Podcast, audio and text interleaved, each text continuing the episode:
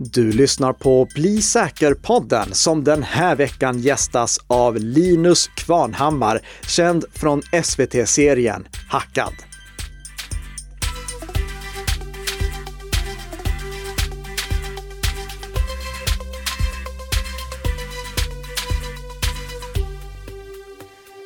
Ja, god morgon, god morgon och välkommen till Bli säker-podden som så här på fredagsmorgonen brukar underhålla dig med lite intressanta IT-säkerhetsnyheter och IT-säkerhetsrekommendationer med eh, Tess och Nicka bakom mikrofonerna.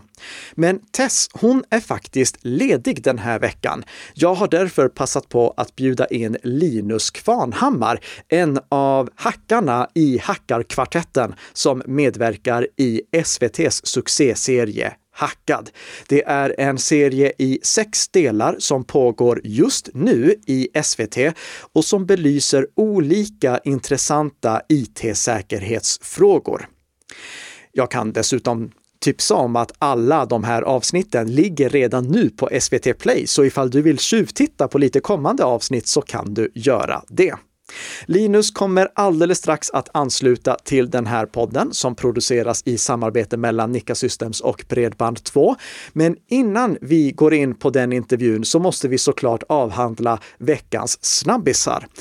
Och eftersom jag och Linus har så mycket att prata om får vi nöja oss med en supersnabbis den här veckan. Och det blir såklart att det har varit patch-tisdag. Så här kommer min månatliga påminnelse om att installera de uppdateringar som finns tillgängliga på din dator. Se till att alla appar är uppdaterade och avinstallera de appar som du inte längre använder så att du håller din dator uppdaterad och säker. Fler nyheter, det får vi spara till nästa vecka. Då säger jag god morgon och välkommen till Linus Kvarnhammar. God morgon. Du är enligt din LinkedIn-profil cybersäkerhetskonsult. Och sen på Twitter kan vi läsa att du också är Security Consultant, Penetration Tester och Red Teamer. Det är några intressanta titlar du har där får jag säga. Mm, ja, men det stämmer. Vad är det en penetration tester egentligen gör? Ja, vi, vi hackar ju applikationer och nätverk åt kunder då. Så äh, säkerhetsgranska kan man också säga det. Mm. Säga. Men vad är det det innebär? Liksom? Vad, vad, vad är det du gör eh, rent eh, operativt på dagarna? Vad pysslar en sån här penetration tester med? Hur ser en vanlig dag ut i Linus Kvarnhammars liv? Ja men ett vanligt uppdrag är ju kanske en vecka långt, en och en halv. Och så börjar man med att starta upp uppdraget och det kan vara att man ska granska en webbapplikation till exempel. Samlar man in den informationen man behöver från kunden och sen så undersöker man webbapplikationen om det är en sådan man testar. Mm. Efter säkerhetsbrister, då har vi listor på kanske 50 olika typer av säkerhetsbrister. Gå igenom dem, försöka använda sin uh, heter det, uppfinningsrikedom för att kunna se hur vi kan bryta de antaganden som utvecklarna har gjort helt enkelt. Hur kan vi få den här applikationen att fungera på ett sätt som de inte ville mm. Eh, och därmed hacka den. Och sen skriver man en rapport eh, och eh, levererar den till kunden med en muntlig sammanställning. Och varför vill kunder att du ska komma dit och förstöra deras fina verk? det vill de ju då såklart för att de ska veta vad de ska åtgärda. Ja. Så att det är bättre att någon som jag eller andra i mitt eh, gäng så att säga, eller min bransch får hacka applikationen på ett kontrollerat sätt och komma med tekniska rekommendationer eh, på vad som bör åtgärdas och hur. Mm. För att inte brottslingar ska kunna göra det helt enkelt. Ja. Du presenterar dig också som Red Teamer. Och en sak som vi inte har pratat om i den här podden tidigare, i alla fall när jag sökte igenom mina anteckningar kring de tidigare 141 avsnitten, det är vad en Red Teamer egentligen gör. Och för den delen också, för er som är intresserade, varför Nika Systems logga är blå. Mm. kan du förklara det? Ja, men absolut, eller jag hoppas det. Det är en term som kommer från den amerikanska militären. Att man har Red Team som är angripare, Blue Team är försvarare. Så Red Teaming har liksom kommit in i IT-säkerhetsbranschen för, för ett tag sedan för att indikera att man gör ett mer avancerat angrepp, eh, mer avancerat penetrationstest som mm. kanske har flera olika vinklar, social engineering, IT-infrastruktur och så vidare. Och så har man ofta då ett blue team, ett, ett försvarande team helt enkelt som ska försöka stoppa en och hitta en. Ja. Och så lär man sig av denna övningen. Så du är eh, antagonisten i sammanhanget? Ja, precis. Du, ja. du är den farliga personen? Ja, förhoppningsvis. Men ehm, det tror jag faktiskt att våra lyssnare redan hade fått eh, intryck av att du var, om de åtminstone har kollat på den här fantastiska SVT-serien Hackad som du är här för att berätta mer om. Och jag måste bara börja med att fråga dig om du inte kan berätta bakgrunden. Hur, hur i hela friden kom det sig att eh, SVT gjorde ett sånt här projekt? Ja, men det började med att jag blev kontaktad, eller för mig började det med att jag blev kontaktad av någon person på SVT som höll på att utveckla programidén. Mm. Och då skulle det heta Övervakat land och handla väldigt mycket om social media, Google, Facebook och sånt. Eh, och jag förklarade att det finns säkert andra experter på det området. Eh, jag är expert på att hacka företag och hacka datorer. Så, så berättade jag om vad jag jobbade med och sådär. Sen rekommenderade jag andra också så att eh, de gick vidare och pratade med andra, till exempel Jesper. Mm. Och sen jobbade de vidare på idén och sen kontaktade de oss och ett par personer som inte var med i tv-serien Sant för eh, möten eh, förra, för ett år sedan, förra hösten. Så spelades det in en pilot i december förra hösten. Och jag tror att efter den piloten visades internt så beställdes programmet liksom, mm. eh, på riktigt. Och så började vi spela in i februari. Och i det här programmet så är ni ju fyra stycken eh, penetrationstestare, cybersäkerhetskonsulter slash hackers, om vi ska ta den mm. termen som anspelar på namnet också. Det är du, det är David, Ginny och Jesper. Stämmer. Det, det, här teamet, hur fungerade ni ihop? Hade ni några olika roller eller vilka, vilka funktioner fyllde ni i det här programmet? Ja, jag och Ginny har ju jobbat mycket tillsammans tidigare och jag och Jesper hade jobbat lite tillsammans. Men David hade jag aldrig jobbat med så det, var, det var en ny konstellation på det sättet. Mm. Uh, men det funkade superbra. Jag tycker att vi, vi, vi snabbt förstod varandras styrkor och, och sen så fördelade vi arbetet uh, utefter dem skulle jag säga. Ja. Och vill ni veta mer om de här tre personerna som inte sitter med oss här i studion idag så har vi självfallet länkar till deras sociala medier. Jesper känner säkert många av våra lyssnare igen från eh, Säkerhetspodcasten. Eh, han är ju med där och eh, dessutom de har gjort två stycken avsnitt om just hackad. Vi lägger med länkar till det. David skulle faktiskt varit med i Bli säker-podden i somras och presenterat en väldigt intressant sak som han upptäckt kring eh, brister i hur MacOS fungerar och hur man kan utnyttja de bristerna för att lura personer att infektera sin egen dator. Eller egentligen framförallt vad man kan göra när den datorn verkligen har blivit infekterad. Det kunde vi tyvärr inte sända på grund av att det blev lite problem med när olika saker fick presenteras. Men vi lägger med en länk i våra show notes till en eh, dragning som han hade på konferensen SECT, där han för övrigt också vann ett pris för den presentationen. Så Tyvärr, eh, vi kunde inte sända det i Bli säker-podden, men ni kan ändå ta del av det som han upptäckt i MacOS om ni kollar på den presentationen. Men låt oss då hoppa in på det här, eh, den här eh, serien som ni nu har gjort. Det är sex stycken avsnitt. Ni eh, lyfter väldigt många intressanta saker och en av de sakerna som ni lyfter, det är vilket ansvar som en enskild person, antingen privatperson eller medarbetare, har ur ett IT och informationssäkerhetsperspektiv. Vad är det ni kommer fram till där? Ja, alltså varje person ansvarar för sitt eget konto, om det är det du syftar på. Mm. Eh, och eh, om du till exempel inte har skyddat ditt konto med ett bra lösenord så kan det vara väldigt enkelt för angripare att ta över ditt konto. Och då har man kommit åt din mail, man har kommit åt din home drive, eh, om man pratar om företagsmiljö. Mm. Och alla delade ytor som den, som den uh, delade filytor och eh, så intranät, webbar och så vidare som den anställde har eh, access till. Ja. Så att varje anställd har ett stort ansvar tycker jag för att skydda sitt eget konto för att i samma, på samma sätt, eller, eh, i och med det skydda företaget. Mm. Förstår alla medarbetare hur pass viktigt det är för organisationens säkerhet att de upprätthåller sin personliga säkerhet? Nej, det är ju helt givet att det förstår de inte. Mm. Det är ju tyvärr jättevanligt idag att, att man hittar användare som har företagets namn och eller sommar, vinter följt av kanske någon siffra, 1, 2, 3 eller 2021 eller 21 mm. i år då till exempel. Som sitt lösenord? Då. Som sitt lösenord, ja. precis. Så att det är ju om man vill göra enkla, enkla saker först i, i, när man gör ett internt eh, pentest så test, testar man alla konton efter såna, en handfull sådana lösenord. Ja. Och då brukar man alltid få några konton. um, och sen kan man gräva vidare efter det. Efter det så får man ju tillgång till intranät och file shares och så vidare. Mm. Uh, jag måste ändå bara fundera hur det känns för dig, för du, du, jobbar ju med väldigt avancerade saker ur ett IT och informationssäkerhetsperspektiv. Uh, att hitta säkerhetsbrister på teknisk nivå. Hur mm. känns det att eh, det fortfarande är sådana här problem som gör att säkerheten faller för organisationer? Ja, men det är både, helt ärligt så är det både roligt och frustrerande. Det är kul att kunna ta sig in snabbt på ett mm. ställe. Eh, man skrattar lite åt företag ibland eh, när man lyckas med sånt här. Men samtidigt så är det ju utifrån ett samhällsperspektiv så är det ju tragiskt ja. att det ska falla på en sån sak.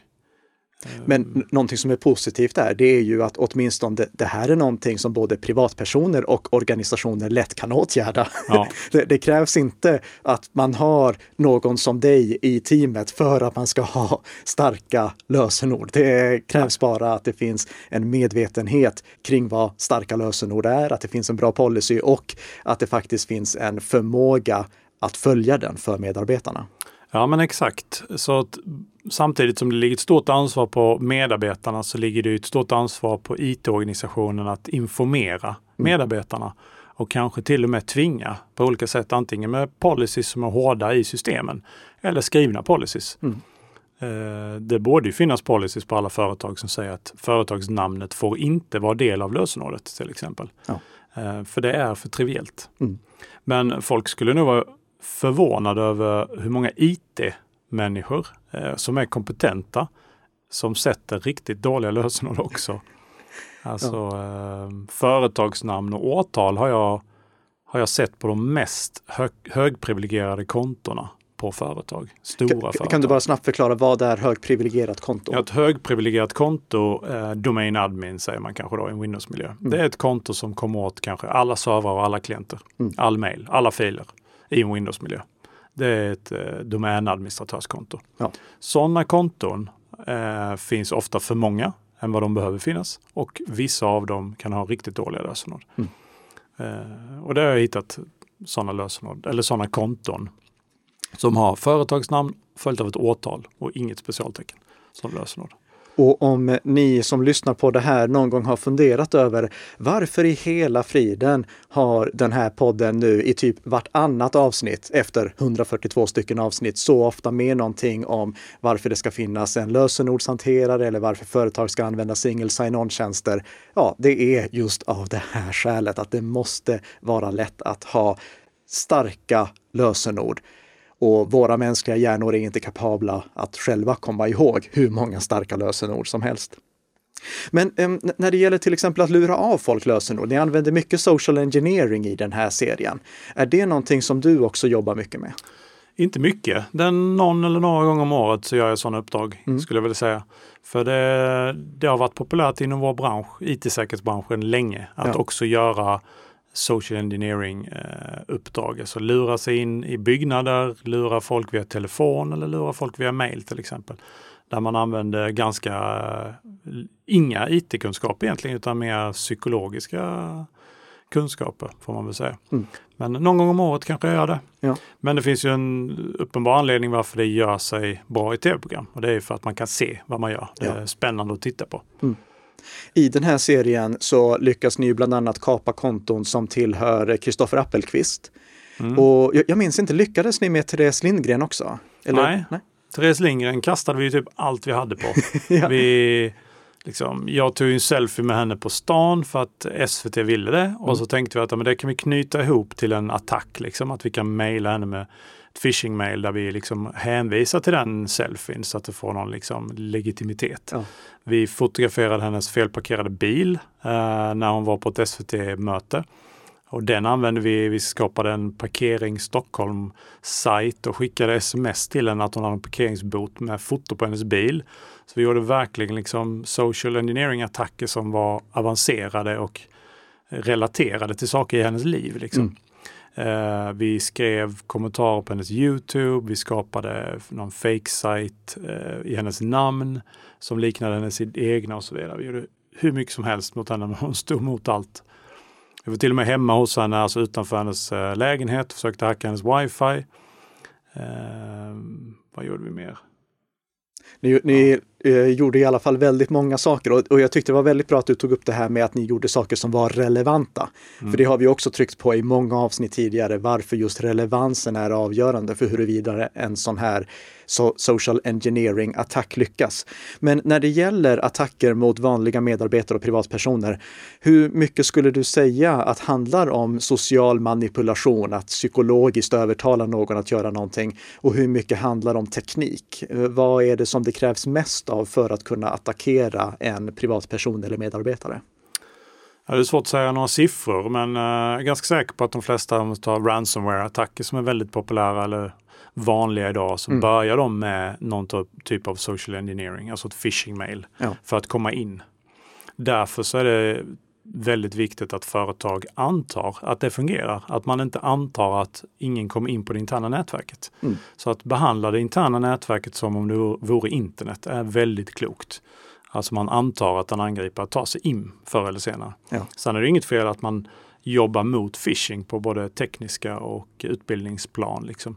Men anta att angripare tar sig in, för sen efter det blir det ett IT-angrepp så att säga. Ja. Så att, eh, jag har inga siffror på det, men det är vanligt båda två skulle jag säga. Och här har vi ju då den här lager på lager-principen. Att Exakt. aldrig förutsätta att ett skyddslager är tillräckligt för att kunna stoppa attacker. För skyddslagren faller, därför måste det finnas flera lager, flera olika sätt att förhindra attacker att spridas och att inte en angripare som kommer in i nätverket kommer åt precis allting som han eller hon vill ha. Och det såg vi ju lite exempel på också i den här serien, eh, egentligen både när vi pratade om företag och när vi pratade om, eh, eller när, när ni pratade om eh, just den här eh, Internet of Things-villan. Vi hade en villa med hur mycket Internet of Things-prylar som helst. Och en av de sakerna som eh, den som bodde där poängterade, det var ju just att han hade segmenterat nätverket så inte allting skulle kunna komma åt allt. Men ni lyckades ändå ta er in, både i företagssammanhanget och i den här Internet of Things-villan. Ja, men det stämmer. Om ni minns, om ni har sett det så minns ni dels att jag inte var med och gjorde, eh, Just det, just gjorde det. Mm. Men, eh, men Jesper säger ju flera gånger i, i det avsnittet att han, att han tycker att eh, den här killen är jävligt kompetent. Mm. Han har satt upp flera nätverk om jag har förstått det rätt och så, så att han har segmenterat eh, nät, nätet i olika segment för IoT och för, för andra prylar. Och det betyder att de fick ta sig igenom flera lager av skydd för att nå dit de ville. Och det är precis det som försvararen vill uppnå. Ja. Eh, I detta fallet så räckte det inte för det gick ju bra till slut ändå, men de fick kämpa ganska hårt. Ja, och det tycker jag att är väldigt viktigt att man kommer ihåg. För i och med att ni gjorde den här tv-serien så hade ni ett väldigt högt incitament för att faktiskt kunna komma in. Men så högt incitament är det väldigt få som har.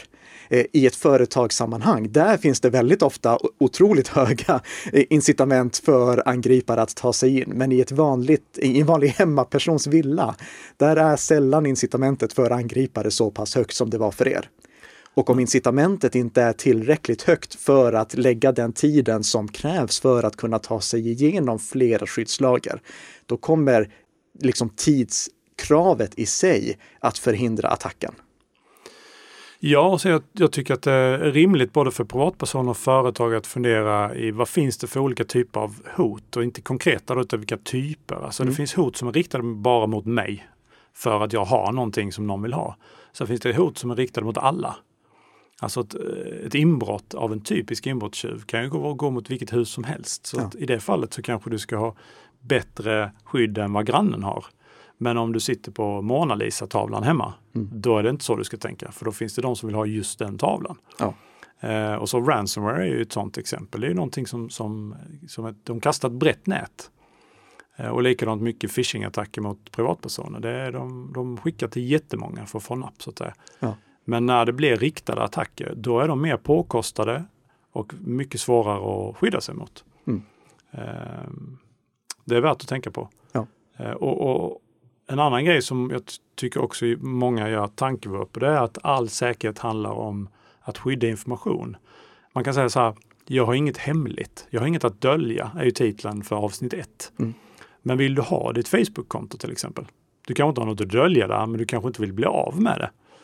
Så att, att, liksom, att inte förlora saker är ju också en aspekt av säkerhet. Ja. Det, det är många som, som äh, missar det i sitt äh, reso, re, resonemang. Så att Ja. säga. Och jag tycker att det, det återknyter också till lite det här- det här vi pratade om i början med vilket ansvar som man har själv för att upprätthålla säkerheten. För ifall jag skulle få mitt Facebook-konto kapat, då skulle angripare sedan kunna använda det Facebook-kontot för att utge sig för att vara mig och kontakta mina personer, med de kontakter som jag har på Facebook och kunna göra extremt trovärdiga attacker i och med att meddelandena då faktiskt kommer från mitt Facebook-konto. Exakt. Så genom att jag upprätthåller god IT-säkerhet skyddar jag inte bara mig själv, utan jag skyddar också hela min omgivning och de personer som jag har kontakt med. Och det här är givetvis inte någonting som bara gäller privatpersoner. Det här är också någonting som vi ser i företagssammanhang. Vi måste tänka på att när vi i företagssammanhang upprätthåller god IT-säkerhet, då skyddar vi också de kunder och de leverantörer som vi annars har kontakt med på daglig basis. Precis. Men jag måste bara ta en sak till om den här eh, IoT, i- om IoT-avsnittet, Internet of Things-avsnittet. För om vi kollar i Svenskarna och internet, den här rapporten som Internetstiftelsen släpper på årlig basis, då framgår det att nästan var sjätte person har en uppkopplad högtalare eller uppkopplad strömbrytare i sitt hem. Och jag kan ju säga det är extremt ovanligt att man ser den här höga eh, skyddsmedvetenheten och tekniska förmågan att faktiskt skydda sitt hem som personen i avsnittet hade. Hur ser du som jobbar med mycket tekniska attacker att det här kommer påverka samhället överlag när allt fler har skräpiga Internet of Things-produkter i sina hem? Ja, men jag ser det som att man behöver anse att det nätverk man har hemma är internet. Precis som ett stort företagsnätverk. Så istället för att känna så att jag ska säkra upp eller segmentera mitt hemmanätverk så borde man vända på det tycker jag. Eller vi behöver komma till det att kopplar jag in en, en pryl så ska inte den kunna bli ang- angripen av andra prylar. Eh, och, och har jag någonting som är extra skyddsvärt så Mm. får jag ta hand om det. Så till exempel så om företag inte lyckas härda sina laptops så kommer den laptopen hamna på ett nät som är hemma hos någon som de inte kan lita på. Därför behöver, vi, behöver vi företag ta hand om sina bärbara datorer, härda upp dem för vilket nät som helst så att man kan ta hem det till ett oskyddat nät. Eller inte oskyddat, ett nät med, med potentiellt eh, farliga saker på. Ja. Så, så försöker jag se på mitt hemmanät. Om det made sense så att säga. Jo, ab- absolut att eh, alla saker ska hålla sig skyddade oavsett vad som finns runt omkring dem på samma lokala nätverk. Precis, och det är lite om man ska dra husliknelsen. Om du har en guldtacka hemma, eller du har jättemånga guldtackor, Mm. då eh, kanske du inte ska ha dem liggande på köksbordet. Eh, när du har barn, barnen har kompisar och du har, du har städare och hantverkare och så vidare. Utan då ska du skaffa ytterligare ett lager. Mm. Eh, då ska du köpa ett säkerhetsskåp, Ja. eh, till, förslagsvis, och lägga dem där. Mm. Och så, eh, så bör du se på ditt nätverk också. Och jag vet det var ett stort danskt företag som jag jobbade hos för många år sedan. De insåg detta. Eh, de, de insåg att vi kan inte skydda, skydda allt på det interna nätet. Så då gjorde de ett, ett säkerhetsskåp helt enkelt. De gjorde ett nätverk som var supersäkert. Och så flyttade de in sina mest känsliga projekt i det nätet. Eh, så lite så kan man tänka hemma. Vad har man det mest skyddsvärda? Kanske man kan lägga det allt det på en dator och så tar man hand om den datorn. Man ser till att disken är krypterad, man ser till att det är bra lösenord. Man kanske tar det med sig när man åker på semester. Och nu kommer vi in på några sådana här avslutande rekommendationer som du redan har börjat ge. Mm. Och jag, jag, skulle ju så gärna vilja höra vad mer du har att rekommendera våra lyssnare. Va, vad tror du att allmänheten har lärt sig av den här Hackad-serien? Och vad tycker du att våra lyssnare och tittarna som såg den här Hackad-serien ska ta med sig? Vilka är de viktigaste sakerna? Ja, men det är supermånga som har kommit och sagt till mig eh, efter att ha sett serien, att, och speciellt avsnitt ett, mm. typ så här, jag har bytt alla mina lösenord. Um, och det är bra, det tror jag folk har tagit med sig. Men det, det behöver vi fortsätta trycka på. Folk behöver ha bra lösenord och allt det här som du brukar prata om. De behöver ha tvåfaktorsautentisering. De behöver ha unika lösenord på känsliga sajter och lösenordshanterare. Mm. Och sen så behöver man vara misstänksam. Det är riktigt bra att tänka varje gång man får ett mejl med en länk eller med en bilaga. Är detta verkligen rätt? Skickar den här banken verkligen ett dokument till mig eller en länk? Ja. Och är man orolig så skickar man det till närmaste IT-support-släkting eller så ringer man upp. Mm. Ja. Och jag tror att de som har sett hela den här serien, de känner vi behöver en säsong två. Mm. jag känner i alla fall så. Ja, det, det, efter att ha sett de här sex avsnitten så kände jag att det, det borde ju varit tolv avsnitt i alla fall. Eh, kommer vi få en säsong två?